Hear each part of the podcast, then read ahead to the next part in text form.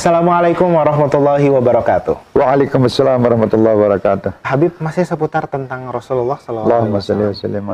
Kita tahu beliau selain sebagai utusan Allah dan Allahumma juga salli Nabiullah, beliau juga mempunyai profesi yang banyak sekali, pedagang, Hmm. panglima, pimpinan bahkan. Nah, dari kisah hidup beliau, apa hal yang bisa kita pelajari tentang bagaimana hal tersebut bisa berjalan seimbang? Jadi seakan-akan tidak ada, oh beliau hanya misalnya menjadi nabi saja, tapi ternyata beliau juga sukses sebagai pedagang, sebagai orang tua, sebagai nah ini bagaimana Habib kita belajar? Beliau sebagai nabi, sebagai rasul, tugas nabi dan rasul itu pun juga berdagang. Oke, Juga berdagang, mengurus istri, ngurus anak, Iya. ngurus macam-macam. Bahkan beliau menjahit sandalnya sendiri, Oke. Menyapu di rumahnya. Ini, ini luar biasa ini Iya, nabi ini. iya, iya. Makanya ini contoh pemimpin yang luar biasa. oke, Contoh pemimpin yang luar biasa. Dan beliau itu apa yang dilakukan Rasulullah itu sebagai uswah, contoh, Ya. uswatun hasanah. Ya. Tidak ada uswah yang lebih hebat daripada Rasulullah SAW. ya, Uswah ini contoh yang terbaik. Makanya kita wajib untuk mengikuti ya, semaksimal mungkin. Kalau sempurna seperti Rasul tidak mungkin. Kita bisa mengikuti Rasulullah itu adab dan akhlaknya. Tapi kalau bentuk tubuh dan itu tidak Ya. mungkin sudah. Ya. Jadi Rasul SAW bagaimana beliau ini selalu mendidik sahabat-sahabatnya. Salah satu perdagangan Rasulullah yang sangat indah kita sering mendengar sudah cerita itu. Bagaimana Rasulullah waktu berdagang ke Syam. ya, Terjadi perdagangan membawa hasil dagangan Siti Khadijah ya, radhiyallahu anha. Dibawanya ke sana, sampai di sana singkat ceritanya beliau laparkan ini dagangan kepada masyarakat di situ, ditanya harga berapa? Harga dari sana.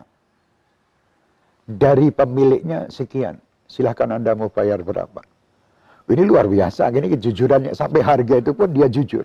ya, ya. Beliau jujur gitu. Itu akhirnya dengan adanya begitu, justru hasil keuntungannya besar. Dan ini pernah saya coba sekali. Oh ya, Ustaz Ali, saya coba waktu Ya. itu saya pergi ke Kalimantan Selatan, Ya. saya malu sebetulnya. Ya. Karena saya malu takutnya saya ini, saya berdakwah kok dagang. Takutnya Ya, ya, orang-orang itu beli karena terpaksa saya ini seorang Habib. Ya. Bawa dagangan terus dibeli gitu. Saya tidak mau itu. Tapi dipaksa oleh orang untuk saya bawa. Setelah saya bawa ke sana, dagangan itu ada saya taruh di kotak. Teman saya mengatakan dulu, Habib saya bawa dagangan. Iya, iya. Pada naik orang itu, saya kebetulan di atas. Pada naik ke atas, waktu itu Habib bawa dagangan. Saya bilang bahwa itu ada di kamar. Ya. Harga berapa? Itu ada notanya. saya, saya malu lah, masih malu. Iya. Bukan saya mengikuti Nabi Muhammad, karena saya Iya, malu. iya, ini. iya, iya. Tapi subhanallah saya teringat, oh Rasulullah pernah begitu dulu. Ya, Berapa Habib? Ya sudah bayar, uangnya ditaruh mana? Taruh kotak adalah sana, taruh kotak. ya, ya. Akhirnya dibeli sama mereka uang taruh kotak. Saya hitung itu, saya dapatnya lebih-lebih daripada keinginan saya jual. Misalnya saya akan jual itu 100 ribu, Ya. orang ada yang bayar mungkin 200 ribu, ada yang bayar mungkin 300 ribu, ada yang mungkin tidak bayar. Tapi subhanallah setelah kita kumpulkan semua ternyata luar biasa hasilnya. Ya. Itu salah satu cara dagang Rasulullah. Waktu kembali kepada Siti Khadijah heran, ini kok bisa seperti ini hasilnya? Ya. Diceritakan. Maisarah yang waktu itu mengikuti Rasul SAW, bahwa ini orang tidak pernah menaruh harga berapa, tidak. Cuma ini harga dari sana silakan memberi keuntungan berapa. Dan itu diterapkan oleh oleh sahabat-sahabat beliau. Ya. Sahabat beliau itu punya toko, ada berapa toko di satu tempat. Itu kalau sini rame, sini sepi, ini yang di sini sama dia jangan beli sama saya, belilah di sebelah. Karena di sebelah ini sepi dari pagi tidak dapat hasil apa-apa. Yang itu begitu putar. Jadi satu pasar ini jadi rame berkat kebaikan satu dengan yang lain. Ini hasil didikan siapa? Rasul Muhammad Sallallahu Alaihi Wasallam. Itu Rasulullah. Bagaimana beliau mengembala kambingnya, terus unta, unta pun kalau mengeluh datang ke Rasulullah. Di dalam qasidah itu kan ada Al-ba'ir yashkul majaa. Al-ba'ir ini unta ini. Ya. Dia mengeluh sama Rasulullah tentang kelaparannya.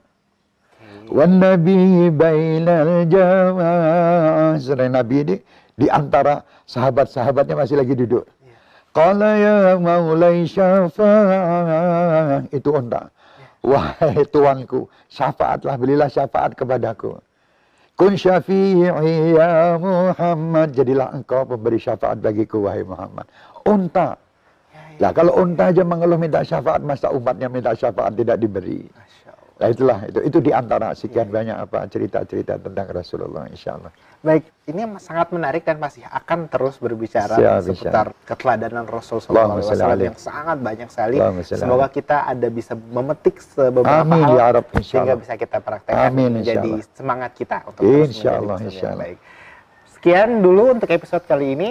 Sampai jumpa di episode selanjutnya. Tetap di Sapa Habib Syekh. Assalamualaikum warahmatullahi wabarakatuh. Waalaikumsalam warahmatullahi taala wabarakatuh.